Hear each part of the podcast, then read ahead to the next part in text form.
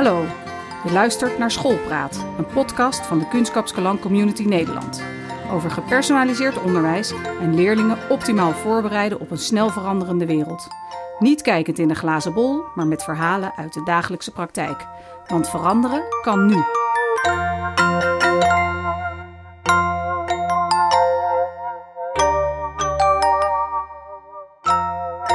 Fijn dat je luistert. Mijn naam is Koos Woltjes en vandaag gaan we het hebben over de menukaart die alle Nederlandse scholen de komende maanden in het kader van het Nationaal Programma Onderwijs van die ministers Slop en van Engelshoven moeten gebruiken om hun schoolplan te maken. Gericht op het wegwerken van achterstanden die leerlingen tijdens de coronacrisis hebben opgelopen. We praten daarover met Annelies Mulder, directeur van het Dr. Nassau College in Gieten en Norg, Willemien Noordhoff, Educational Director van Kunstkapskoning Nederland en Ewald Wijs, bestuurder van de onderwijsstichting Progresso, waaronder het Amsterdamse Lumion valt. Van harte welkom allemaal. Allereerst een vraag aan jou, Ewald. Dat nationale programma onderwijs en die menukaart, die komen niet uit de lucht vallen natuurlijk. Kun jij kort schetsen op welk potje dit een dekseltje is? Goeie vraag. Een hele goede vraag. Uh, en zonder meteen uitputtend te willen zijn, ik denk dat er heel veel aspecten uh, te benoemen zijn. Corona heeft een aantal zaken, uh, denk ik, duidelijk gemaakt. Denk bijvoorbeeld aan vroege determinatie van kinderen. Denk bijvoorbeeld aan onze toetscultuur. Wij toetsen wel wat af. Iedereen kan zich nog in het onderwijs herinneren aan de commissie Ten Dam. Zij heeft ook het een en ander aan vastgesteld. Daar is niet veel aan veranderd. Volgens mij was die commissie in 2018. Uh, denk bijvoorbeeld aan andere zaken als organisatie. Uh, hoe gaan wij eigenlijk om met onze kinderen? Ook al zijn ze op dat moment thuis. Ook al zie je ze uh, niet uh, direct fysiek in de, in de klas. Dat, dat zijn een paar kleine aspecten die ik zomaar benoem. Dankjewel. En Annelies, we horen een beetje welke issues er langskomen. Hè? Daar is natuurlijk nog veel meer over te zeggen. Maar net als Ewald heb jij het afgelopen jaar ook echt met je voeten in de klei gestaan. In Norg en in Gieten. Kun jij zeggen wat, wat jij hebt ervaren en waar de leerlingen binnen het Dr. Nassau College staan nu na corona? Ja, nou, of ik dat helemaal kan uh, precies aangeven. Wat ik wel weet is dat we eigenlijk best wel een vliegende start hebben weten te maken bij de eerste lockdown. We werkten natuurlijk al voor een groot gedeelte digitaal met onze Learning Portal. En het was heel erg helpend uh, om leerlingen direct vanaf afstand uh, onderwijs te kunnen bieden. Het was heel erg helpend om in elk geval het cognitieve deel van het onderwijs door te laten gaan. Daarbij hadden we al de afgelopen jaren heel erg ingestoken op de relatie door te gaan werken met een coach. Dus ook de relatie met onze leerlingen was heel hoog. Dus dat maakte al dat we wat makkelijker en in contact stonden met onze leerlingen maar ook het, het cognitieve aspect door konden laten gaan. Uh, daardoor hadden onze docenten eigenlijk ook wat meer ruimte, want daar ging niet direct de, de aandacht naartoe. Dus dat maakte dat zij ook gewoon mentaal ruimte hadden om na te denken en hoe kunnen we dat dan nog beter doen. Dus het onderwijs stond niet stil, maar ging zich eigenlijk direct doorontwikkelen in wat nodig was in onderwijs op afstand. Ik hoorde zelfs een van, uh, van jouw schoolleiders zeggen van ja, Eigenlijk kun je zeggen dat het onderwijs bij ons voor 95% is doorgegaan. Ja, daar zie je dat er echt een team staat die de leerlingen heel goed in beeld heeft. En waar ze elkaar, dus zowel eh, docenten als leerlingen, elkaar heel goed weten te vinden. Heel goed vanuit de doelstelling weten wat ze hebben te doen op welk moment. En die hebben het gewoon vanaf dat direct heel voortvarend opgepakt. Dus het klopt. Maar makkelijk was het niet natuurlijk. Hè? Ik bedoel, nee, wat ik net ook zei. Hè, ze, zijn, ze zijn daardoor echt wel verder gegaan in hele mooie lessen ontwerpen. om het toch ook op afstand waar te kunnen maken. En natuurlijk ga je uiteindelijk die relatie missen. Uh, hè, op het moment dat, dat, dat toen ze weer naar school kwamen, dan, dan zie je toch, en daarom zeg je ook denk ik heel goed 95 procent, je ziet dat we het samen zijn hebben gemist. Het fysieke contact, het elkaar in de ogen kunnen kijken. En wat dan heel sterk is als een school uh, in Norg, waar, waar ik echt heel trots op ben wat ze dan hebben gedaan, is dat ze direct bezig zijn gegaan met een plan. Hoe kan het dat onze leerlingen staan waar ze nu staan? Wat zien wij in onze omgeving? Wat zien we in ontwikkelingen die gebeuren rondom uh, corona? En hoe moeten we daar nu op inspelen om verder te gaan? Dus niet alleen gericht op zijn er achterstanden cognitief, maar heel erg kijkend naar wat heeft elke leerling nodig om de volgende stap in zijn of haar ontwikkeling te maken. Los of het nou achterstanden zijn of niet. Misschien een uh, kleine aanvulling en zeker ook herkenning, want ik herken dit helemaal. Het onderwijs ging eigenlijk best wel snel door. Hè? Dat hebben de docenten heel makkelijk opgepakt. Ook in de eerste klas vanaf augustus, met name daar. Dat kwam ook dat ze daarvoor ietsjes, een paar maanden en weken konden oefenen. Dus dat herken ik helemaal. Dat schoolleven, dus die relatie onderling, dat is op dat moment wat in het uh, geding komt te staan. Wat ik nog aanvullend zou willen zeggen, is dat de docenten, die coaches, niet alleen de kinderen hebben gecoacht, maar ook ouders. En dat was zo grappig, dat vervolgens de coach na een kwartier ook doorging, een half uur met de vader of moeder in, eh, in gesprek over het leren. En dat vond ik wel een winst. Uh, een contact met ouders, als educatieve partner noem ik dat dan maar zo, uh, dat dat die sterke uh, stroomversnelling geraakte. Dat hebben we daarvan niet zo gezien. Ik, ik heb zelfs een, eh, een, docent lichamelijke opvoeding gesproken. Die deed dan zijn, uh, zijn lessen, uh, uiteraard digitaal. Maar dan vroeg hij de leerlingen om naar de tuin te gaan, als het weer meewerkte. Um, en toen gingen de ouders gingen ook meedoen. Want die waren natuurlijk ook thuis. En iedereen zat achter zijn laptop en zat te werken. Um, maar die dachten van, oh, dat is wel leuk. Dan, dat is ook weer even een momentje van onderbreking voor ons. Ja, en vergis je niet wat dat betekent. Dat betekent dat ouders veel meer vertrouwen kregen ook in de school. En ze wisten wel, dat kan ik rustig over overlaten. Want voor ouderen was het ook een volstrekt nieuwe situatie. Dat hebben ze nooit meegemaakt. Dat is niet de schoolsituatie zoals zij die hebben gekend. De kinderen misschien wel daarvoor ook wel, in de digitale zin, maar voor ouders volstrekt niet. Zo mag school niet gaan. En hierdoor kregen de ouders nog een goed vertrouwen in de, in de school. Dat vind ik van belang. Annelies? Ja, ik zag het wel. Ze zagen ook ouders ook daadwerkelijk meer van het onderwijs. En deden inderdaad actief mee aan lessen, eh, maar ook aan gesprekken.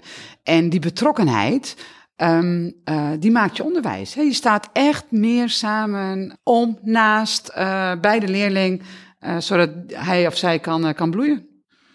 Willemien, jij komt op heel veel scholen. Hoe, hoe kijk jij daarnaar? Wat is jouw ervaring?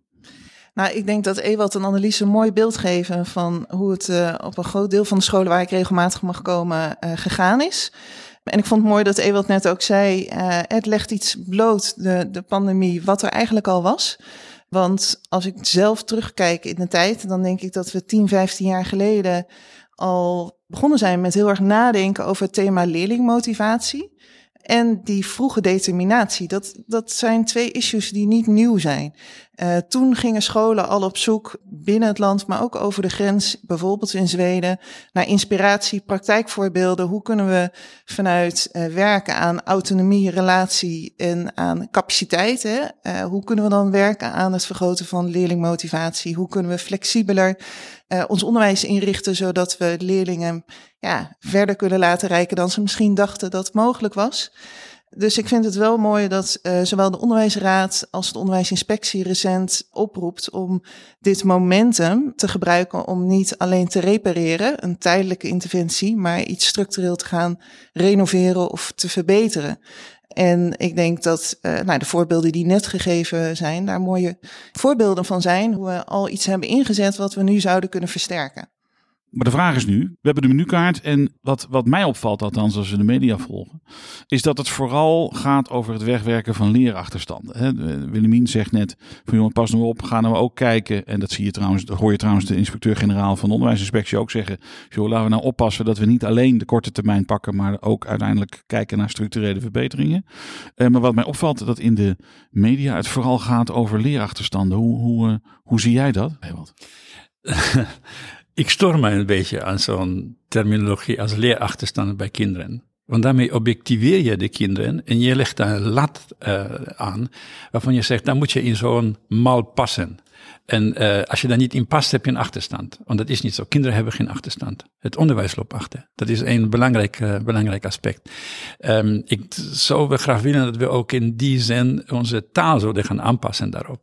Datzelfde geldt ook voor uh, wat wij op dit moment hanteren als het gaat om de vroege determinatie. Het basisschooladvies.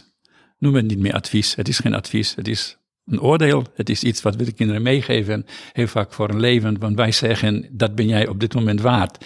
En welke kansen geven wij de kinderen nou om zich verder te gaan ontwikkelen? En dat is datgene wat wij in het onderwijs moeten gaan realiseren. Namelijk de, de kinderen verder ontplooien, ontwikkelen. Niet praten over leerachterstanden. Dat heeft geen zin. Ik heb de website uh, bekeken van uh, de Nederlandse menukaart hè, van het uh, Nationaal uh, Programma Onderwijs. En voor het eerst staat daar nu in de tekst van OCMW leervertraging en niet leerachterstand. Maar dit is inderdaad, ik ben het helemaal met je eens. Leervertraging, daar zou ik nog mee kunnen leven. Maar waar het eigenlijk daadwerkelijk om gaat is, wat gaan wij nou aan doen, opdat het onderwijs ook in deze situatie verder kan gaan? En wat kunnen wij nu vasthouden, wat wij nu hebben geleerd? Pandemie heeft ons daadwerkelijk ook iets geleerd. En hoe kunnen we dit nu voor de toekomstige jaren en toekomstige generaties van de kinderen ook meenemen? Kun je daar een paar voorbeelden van geven, van wat wij geleerd hebben tijdens deze pandemie? Uh, nou ja, kijk, we hebben zonder meer ervaren, zeker uh, in een eigen situatie op uh, de school van Lumion, um, dat coaching werkt. We hebben ook gezien dat je dat kunt borgen door de organisatie zo neer te zetten dat je de docenten daarbij ondersteunt het rooster zo inzet dat die docent dat werk dat wel kan. We hebben ook gezien dat als je een bepaalde visie uh, met elkaar, met een docententeam hebt vastgesteld en een taal daarbij vastgesteld hebt, dat dat de docenten helpt. Wij praten bijvoorbeeld niet zozeer over motivatie van kinderen, als veel meer hoe kunnen wij die kinderen uitnodigen tot het leren. Hoe kunnen wij ze inspireren? Uh, dit soort begrippen zou je kunnen zeggen afgezacht. Het helpt de docent om elke keer zichzelf af te vragen, ben ik nu uitnodigend genoeg geweest?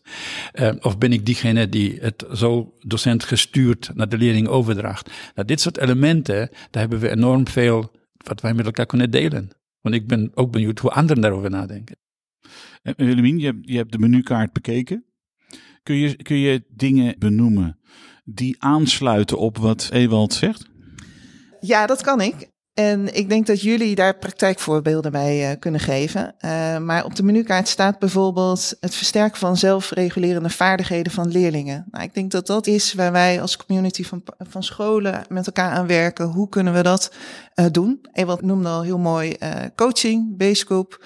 Misschien Annelies, kun jij daar wat voorbeelden bij geven? Ja, we zijn eigenlijk gestart, um, nou is het nu alweer vijf jaar geleden, met het bieden van gepersonaliseerd onderwijs. En die drive die kwam ook voort uit het meer eigenaarschap, hè, zoals wij dat dan uh, noemen, uh, bij, bij leerlingen. Dus, dus hoe, hoe op zoek gaan naar die motivatie, die inspiratie, zoals jij het ook noemt, uh, Ewald. Een voorbeeld ervan was de, de school in Aanhunsen, was al twee keer excellente school eigenlijk erop geworden. En toch was het team onvoldoende tevreden met wat we behaalden. En we zagen dat je daarmee in twee systemen, dus dat je wanneer je heel taakgericht bent voor een gedeelte, en 20% uh, leerlingen de tijd en ruimte geeft om meer zelf na te denken over de inrichting van hun leerproces. Um, dat het onvoldoende tot gevolg had dat leerlingen echt eigenaarschap uh, gingen nemen. Dus vandaar dat we ook op zoek zijn gegaan naar hoe dan wel. En dan is denk ik juist het coachende, de, de, de, het hebben van een hele goede coach.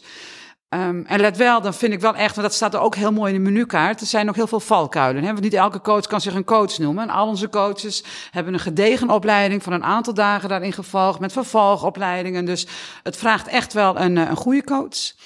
Um, maar ook het, het, zijn van een basegroep met elkaar.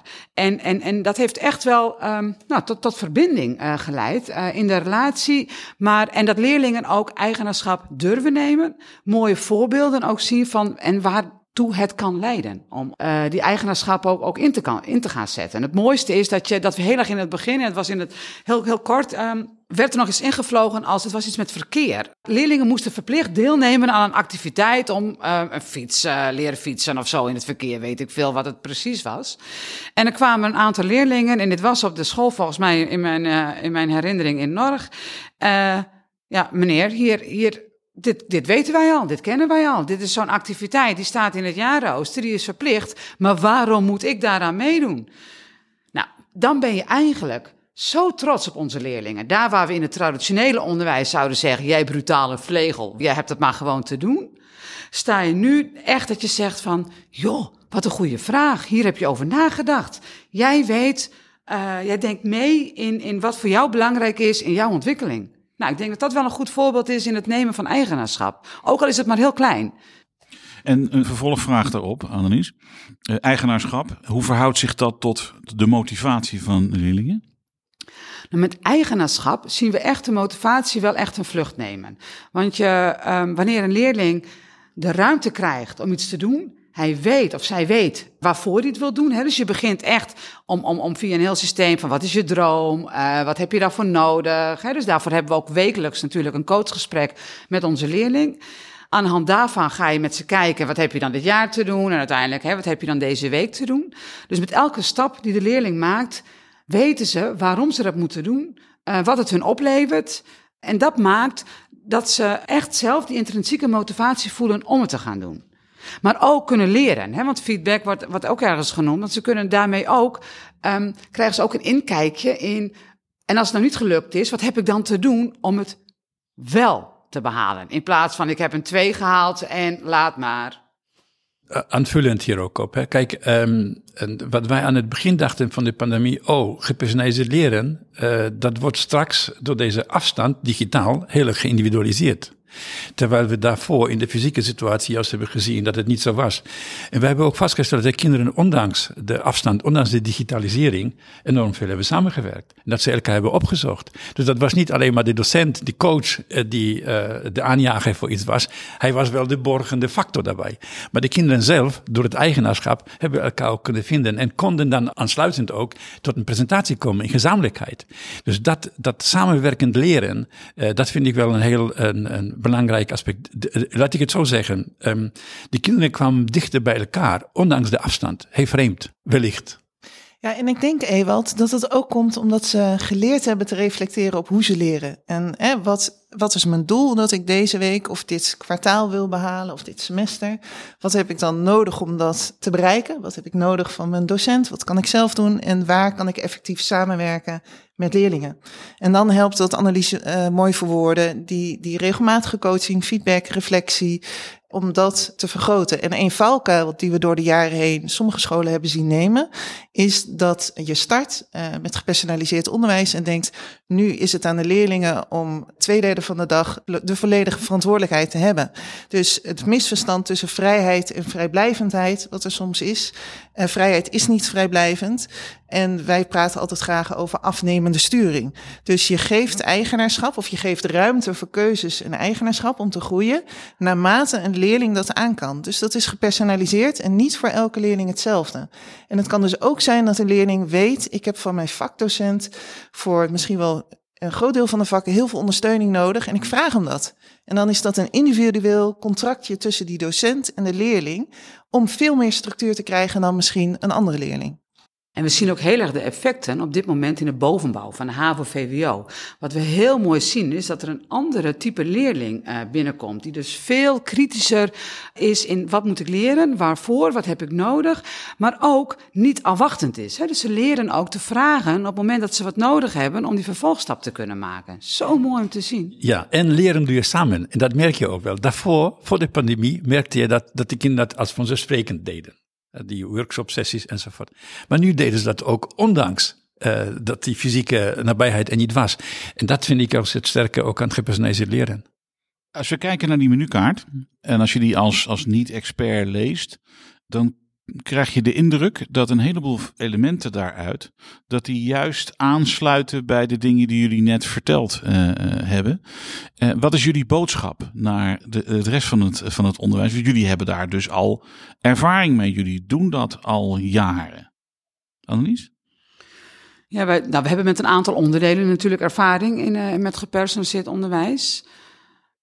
Ik moet zeggen dat ik het ook fijn vind om het zo terug te zien uh, in die menukaart. En, maar ook met een aantal tips erbij. Dus ook voor ons, om te kijken van... hé, hey, waar kunnen wij nog in verbeteren? Uh, hoe kunnen we het nog beter neerzetten uh, dan dat we het nu deden? Dus het is ook wel heel helpend. Kijk, misschien uh, aanvullend, uh, Annelies, wat ik, uh, weet je, ik wil met zo'n podcast niet gaan missioneren en niet iets, een, een, soort PR. Wat ik, wat ik graag wil is, ik wil iets delen. Omdat ik denk dat wij op dit moment op een punt zijn aangekomen in het Nederlands onderwijs waar we daadwerkelijk ook de volgende stap kunnen gaan gezamenlijk maken. En of wij uh, met Lumion, of wij met gepersonaliseerd leren de juiste volgende stap hebben gezet, dat wil ik jou juist de discussie stellen. In deze podcast wil ik dus iedereen gaan oproepen, kom eens kijken, in de fysieke zin, daadwerkelijk. Je bent uitgenodigd om uh, ons schoolgebouw te bekijken, hoe wij dat hebben ingericht, maar ook hoe wij leren. En bevraagt ons. Wees kritisch. Opdat wij daadwerkelijk in gezamenlijkheid de volgende stap kunnen uh, kunnen maken. Kijk, het, het, het, begrip van delen, vermenigvuldigen, ja, dat, dat, dat uh, inspireert mij ook zelf. En daarvoor deze podcast, wat mij betreft. Annelies?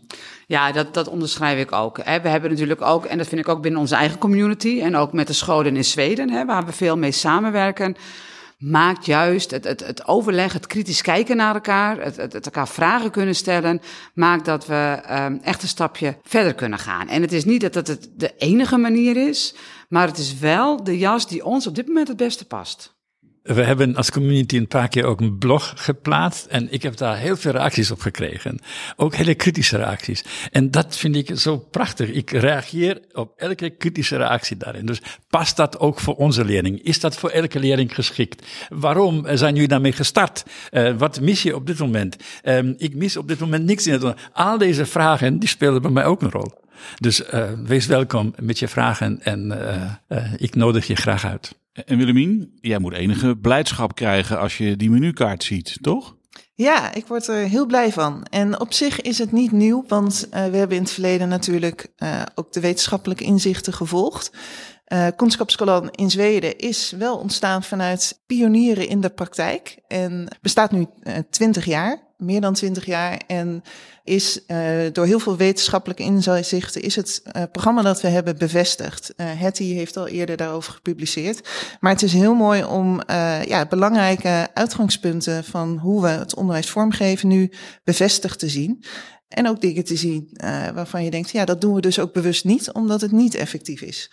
Dus ja, mooie bevestiging. Maar ik zou het ook mooi zien als we het als onderwijs als kans gaan zien. Niet alleen als een extra moeten of een extra wat weer wat er bovenop komt. Maar het geeft ook de mogelijkheid om uh, met alle nieuwe dingen die we door de pandemie ook hebben geleerd. Uh, om wat, wat opener naar het onderwijs te kunnen kijken. Om echt te kunnen kijken welke stap kunnen we maken zonder dat het direct een stelselwijziging moet zijn, want dat is niet wat ik aangeef, maar er zijn best heel veel zaken die we anders kunnen organiseren, waardoor het effect van wat we doen vele malen hoger is dan zoals we het in ieder geval bij ons op de scholen een aantal jaar geleden uh, hebben gedaan.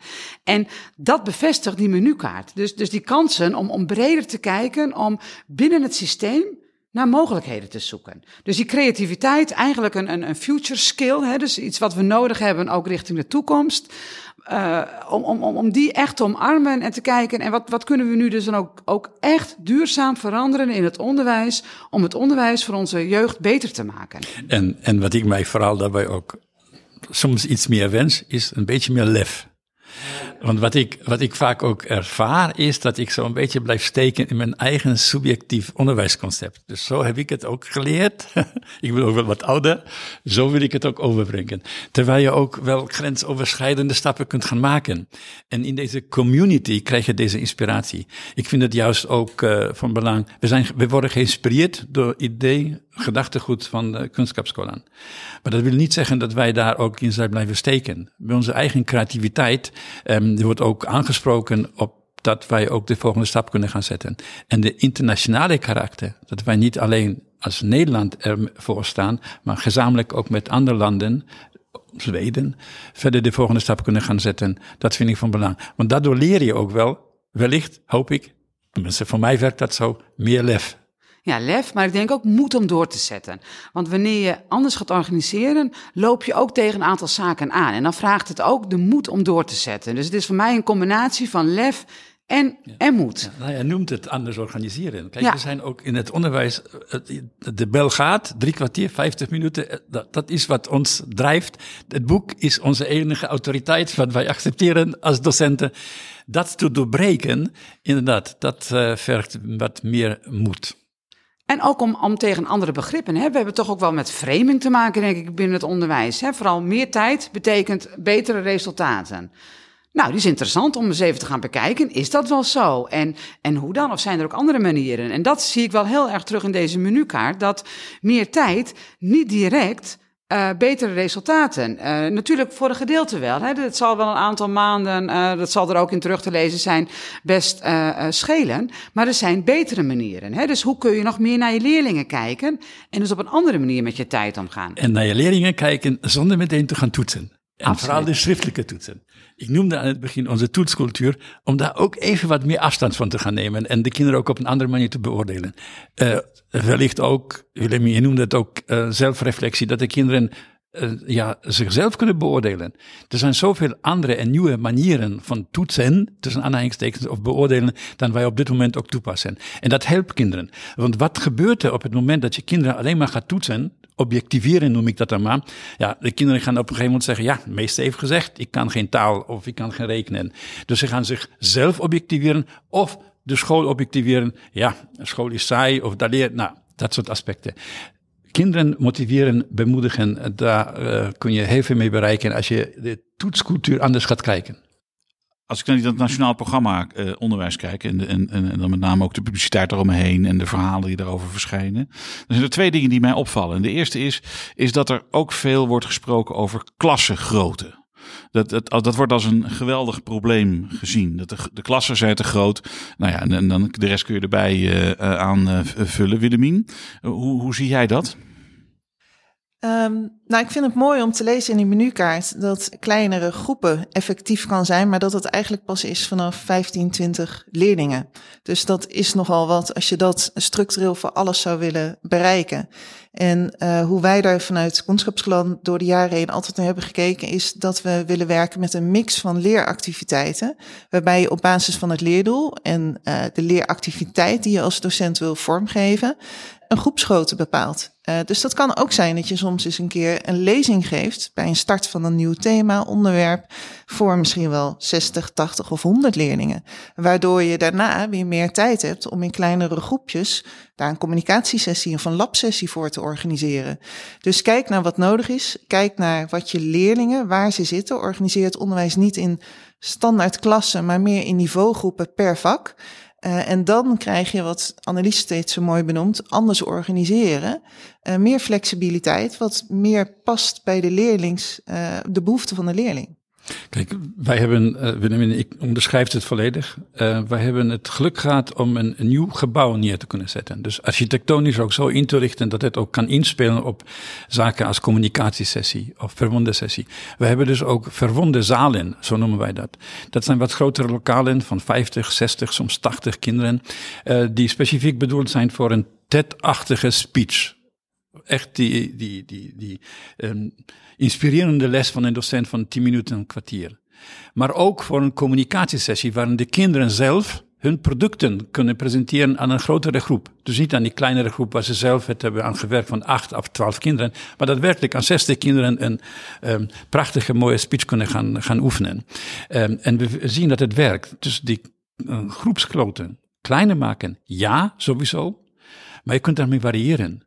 En dat vergt wederom van hoe organiseer je het. Want dat betekent dat, je, dat het standaardrooster doorbreken wordt. Dat je die verwonde sessie van een kwartier, 20 minuten moet gaan inroosteren. En vervolgens heel veel aan die workshop sessies op een andere manier kunt loslaten. Maar daar moet je wel opnieuw je organisatie gaan inrichten. Ja, absoluut. Dat is echt. En het is ook voor docenten. Want wat ik wel heb gezien afgelopen jaren, is die organisatie, dat moet staan. Dus de structuur, die moet je echt heel goed in de organisatie geborgd hebben. En dat vind ik ook een belangrijke taak voor een schoolleiding. Want zonder die structuur kan een docent het niet. Dan loopt het ook, als het rooster niet passend is en het lukt niet, dan lekt daar de energie weg. Dus daar moet je voor waken dat dat, dat, dat niet gebeurt. Maar dan kan het echt inderdaad een vogelvlucht nemen. En ik denk dat dat heel mooi is om te zien. Maar volgens mij, Annelies, uh, zul je waarschijnlijk ook herkennen wat ik op veel scholen zie, is dat uh, deze manier van gepersonaliseerd onderwijs, zoals we dat met elkaar aan het verder vormgeven zijn in Nederland, dat het ook wat vraagt van docenten op het gebied van het kennen van je vak, curriculum bewustzijn. Want uh, als je leerling meer maatwerk naar niveau wilt geven, bijvoorbeeld, dan moet je de verschillen tussen de niveaus snappen. Dan moet je de leerdoelenstructuur die daarachter ligt eigenlijk uh, begrijpen. Um, maar ook bijvoorbeeld als je creatief naar je leeractiviteiten wilt kijken, omdat het rooster niet meer standaard 45 uh, minuten twee keer per week je faciliteert en je wil gaan spelen met groepsgrootte, dan moet je daar ook vanuit een curriculumbewuste bril naar kunnen kijken.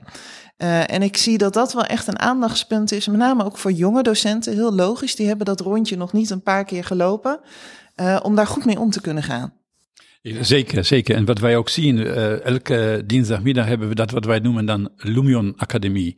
En uh, daarin vindt juist plaats dat, de, docenten met elkaar delen, uitwisselen hoe zij uh, omgaan juist met dat leerdoelgerichte curriculum.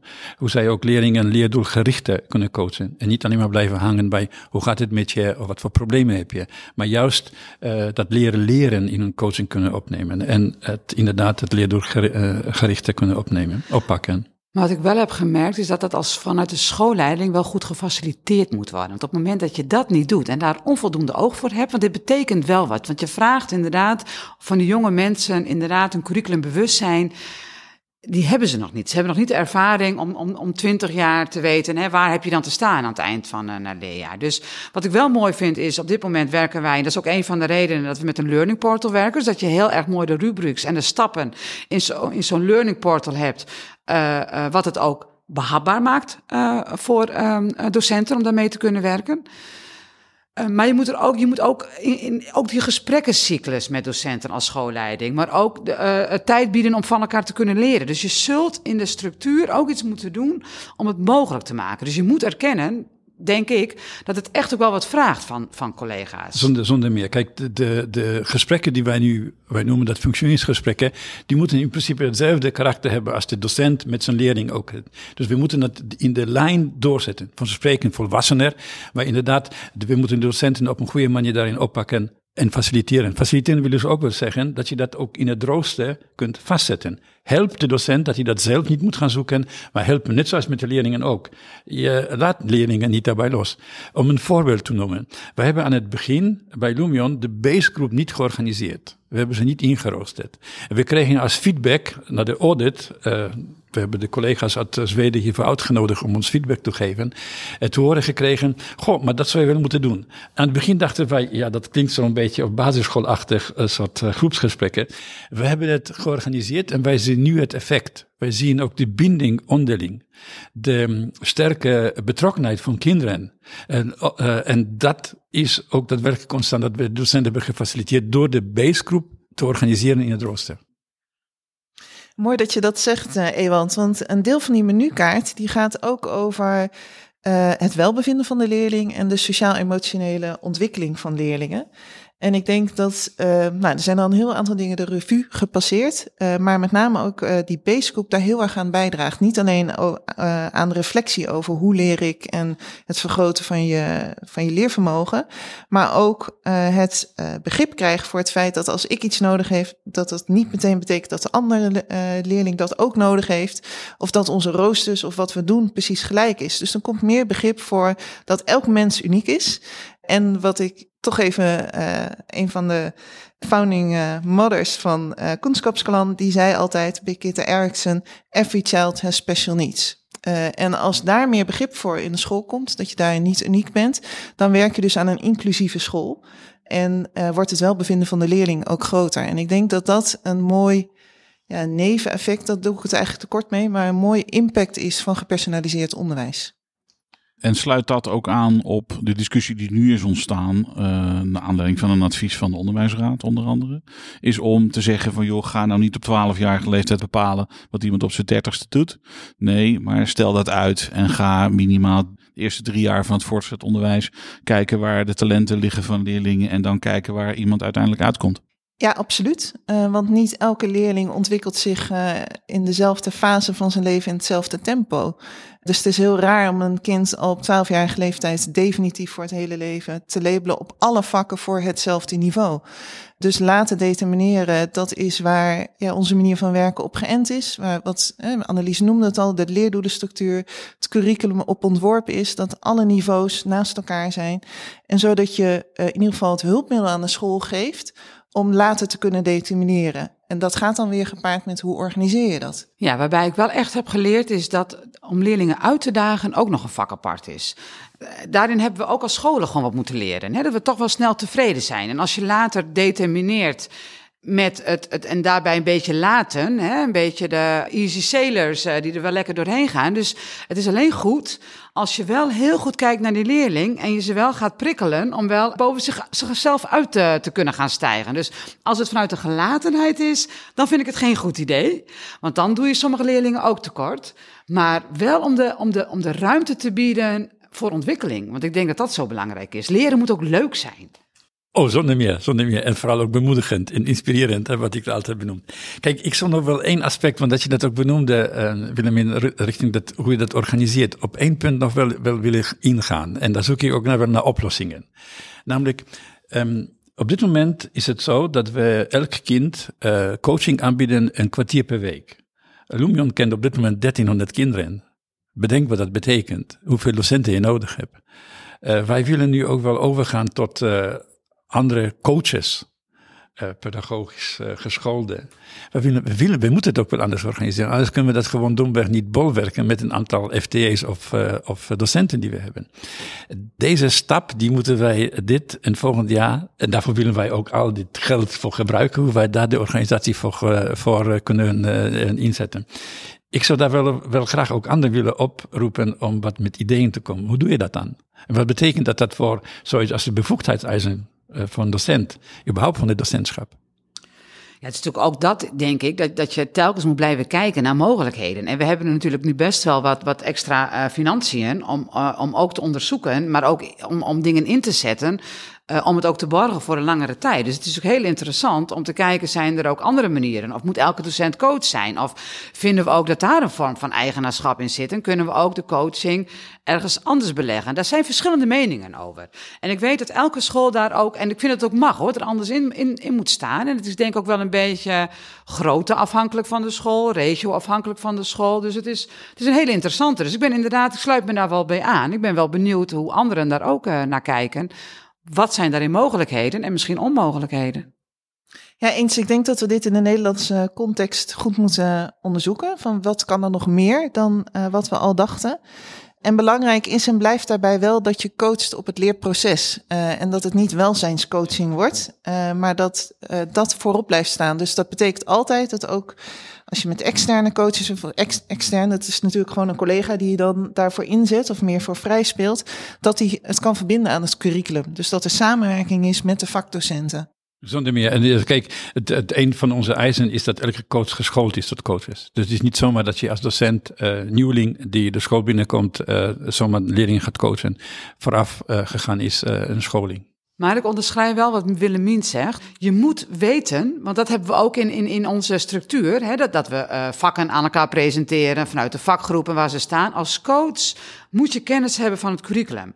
Want het gevaar van een welzijnsgesprekje is groot. We hebben, toen wij zijn gestart, uh, hebben we ook coaches toegevoegd aan andere leerjaren, waar we nog niet mee waren begonnen binnen het gepersonaliseerd onderwijs. Coachen is goed, toch? Het leverde helemaal niks op. En eigenlijk, sterker nog, die leerlingen die kregen bijna een antipathie tegen het coachen. Dat staat ook volgens mij ergens in die menukaart, in ieder geval in de Engelse variant. Je moet wel iets te coachen hebben en je moet goed kunnen coachen om het te doen. Dus, in, dus daarin is ook, nou, ben ik wel nieuwsgierig naar hoe ook andere scholen dat doen. Want uh, ik, ik merk nu ook wel, als ik ergens kom, dat coachen een beetje als pleister, uh, uh, net of zou dat het antwoord zijn op alles. Terwijl het juist die het totaalpakket maakt. Um, wat ik vind dat onze scholen zo, zo bijzonder maakt. Ja, zonder meer. Wat je zegt. Kijk, wij hebben, uh, we doen het al een aantal jaren. En we hebben uh, in evaluatie met leerlingen ook aan hun gevraagd, hoe ervaar je dit nu? Uh, en leerlingen hebben ook en, en ons erop gewezen dat er in sommige gevallen geen verschil was in de coaching van onderbouw en bovenbouw. En daar zit dus een risico in. Ik denk dat je in de onderbouw op een andere manier kunt gaan coachen met leren, leren, leren, samenwerken en al deze metacognitieve aspecten en in de bovenbouw veel sterker ook op het uh, vak kunt gaan inzetten. Maar in dat opzicht zien wij ook zelf dat wij ook nog steeds lerender in zijn, om daar de coaching op een hogere level te gaan plaatsen. En kunnen ook leren van de ervaring van anderen, ook internationaal, dus ook van Zweden. Dus wat werken zij al twintig jaar mee en langer. Nou, ik denk ook dat we daar onderling in onze community ook aan werken. Door ook uh, met expertcoaches nu te werken. Hè? Dus zien we ook, ze, ze doen ook met elkaar, met onze vijf partnerscholen. Dan hebben ze met elkaar dat ze een training volgen. Hoe ze ook anderen weer. Dus dat je ook naar een andere school kunt gaan. Dat je mee kunt kijken. Dus het uitwisselen van ervaringen. En daar, uh, nou ja, het, het, het beste concept uit. Maar je kunt heel veel zaken mee terugnemen naar je eigen school. Wat je daar ziet. Op 2 juni houden jullie een webinar. Daar wordt iedereen voor opgeroepen om zich daarvoor aan te, te melden. Uh, om over dit soort onderwerpen door te praten. Stel nou, er is een schoolleider die kan daar onmogelijk bij zijn. Dat kan hè. Wat zouden jullie, als we kijken naar die menukaart en de dingen die we vandaag besproken hebben. Wat zouden jullie tegen zo'n schoolleider willen zeggen? Wat mij betreft, ik nodig je graag uit. Neem met mij contact op of met mijn collega-directeur van, uh, van de school. En uh, we vinden een, een, gezamenlijk moment om met elkaar van gedachten te wisselen en vooral te delen. En ook vanzelfsprekend jouw kritische vragen uh, aan te horen. Want dat, dat, daar ben ik wel benieuwd naar. Ja, voor mij zou het ook zijn uh, heb het lef om uh, binnen het systeem te zoeken naar kansen. Dus ik zeg niet dat je een idioot moet worden en maar uit alle kanten uh, van alles moet op gaan pakken zonder dat je weet dat. Maar heb het, wel het lef om binnen het systeem op zoek te gaan naar kansen. Stel je open, ga inderdaad naar, naar de scholen, want ik denk dat de scholen hartstikke trots zijn op wat ze hebben staan en dat ook graag willen laten zien. Maar ook heel erg openstaan voor kritische vragen, uiteraard positief kritische vragen wees nieuwsgierig. En wat ik ook wel een beetje heb gezien met, met de corona is op het laatst dat we wat teruggaan naar die systemen. Dus dat we weer wat stapjes aan het terugmaken zijn. En dat zou ik wel mee willen geven. Ga niet terug naar het hele vaste en het alleen maar borgen en de protocollen. Um, maar juist het begin van de pandemie, waarin we een beetje wat vleugels kregen in het zoeken naar nieuwe manieren. Zoek dat moment weer op. Ja, dus eigenlijk neem ook de tijd om uh, na te denken over de stip op de horizon, waar je op de lange termijn naartoe wil. En gebruik dit niet alleen als een korte termijn interventie of uh, het repareren van iets wat uh, ons overkomen is. En tenslotte, een gewetensvraag aan jullie alle drie. Uh, ook weer in de media uh, zijn er heel veel verhalen verschenen uh, die betwijfelen of die 8,5 miljard van het Nationaal Programma Onderwijs, net als bij grootschalige investeringen in het verleden, als ik dat zo lees, ehm, dat die, of die ook echt bij leerlingen en bij structurele verbeteringen in het onderwijs terechtkomen. Ehm, hoe zien jullie dat, Ewald? Ja, ik hoorde dat ook al vandaag op de radio. Onze minister heeft daar iets over gezegd, want daar wordt ook op toegezien uh, op de verandering. Kijk, het is toch eigenlijk best wel vreemd. En ik vraag me af, is dat iets typisch Nederlands? Er is nog geen cent uitgegeven. En er wordt nu al gesproken, maar het wordt toch wel alsof het onderwijs geld aan het verkwisten is. Alsof juist niet onderwijsmensen, net zo overigens als in de gezondheidszorg zelf, mijn vrouw is verpleegkundige, daar zie ik hoe de drijf ook is om juist iets terug te geven. Alsof het onderwijs um, niet erop gericht is om de leerling ervan beter te laten worden. Dus kijk, mijn tip zou zijn, doe het, doe het, laten we het gewoon doen. Die verantwoording, dat gaan we sowieso doen. Kom op zeg, dit land is toch zo hoog geciviliseerd en ontwikkeld, daar ontkomen we niet aan. Dus dat, daar maak ik mij niet zoveel zorgen om. Laten we het gewoon doen. Ja, daar sluit ik me volledig bij aan. Het is, ik denk iedereen in het onderwijs en, en, en uh, heeft hart voor de leerlingen. Dat is de, dat is de, de, basis van, van je werk. En daar zal ook alles op gericht zijn om die leerling uh, een betere toekomst te kunnen bieden. Daar zijn we ertoe, volgens mij, binnen het onderwijs. En dat zal ook nu gaan gebeuren. Ik vind wel dat het dat fijn is dat we uh, wat kunnen borgen. Dat we wat duurzaam door kunnen bouwen. Dus vandaar dat ik natuurlijk wel, uh, zoals ik net ook zei, mensen uitdagen om te kijken van... pak het vast, heb lef en moed om iets nieuws te doen. En niet in de protocollen. Dit was hem weer voor vandaag. Namens Annelies Mulder, Willemien Noordhof en Ewald Wijs, bedankt voor het luisteren. En vergeet je niet op www.kunskapscolancommunity.nl aan te melden voor de webinar op 2 juni aanstaande. Uh, die vindt plaats van 3 uur tot een uur of 5. En wil je in contact komen met de schoolleiders? Uh, Ewald zei het al, uh, Annelies zei het ook al. Wil je in contact komen met schoolleiders, bestuurders van scholen waar gepersonaliseerd onderwijs wordt aangeboden? Ga dan ook naar www.kunskapscolancommunity.nl of bel ze gewoon, stuur ze een mailtje en kom met elkaar in contact. Mijn naam is Koos Woltjes en tot een volgende keer.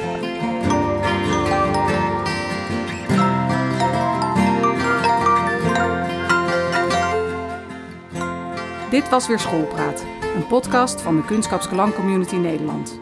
Wil je de hele serie beluisteren of geen enkele podcast meer missen? Ga dan naar www.kunstschapskalandcommunity.nl of kijk op Spotify, Apple Podcast of Google Podcast.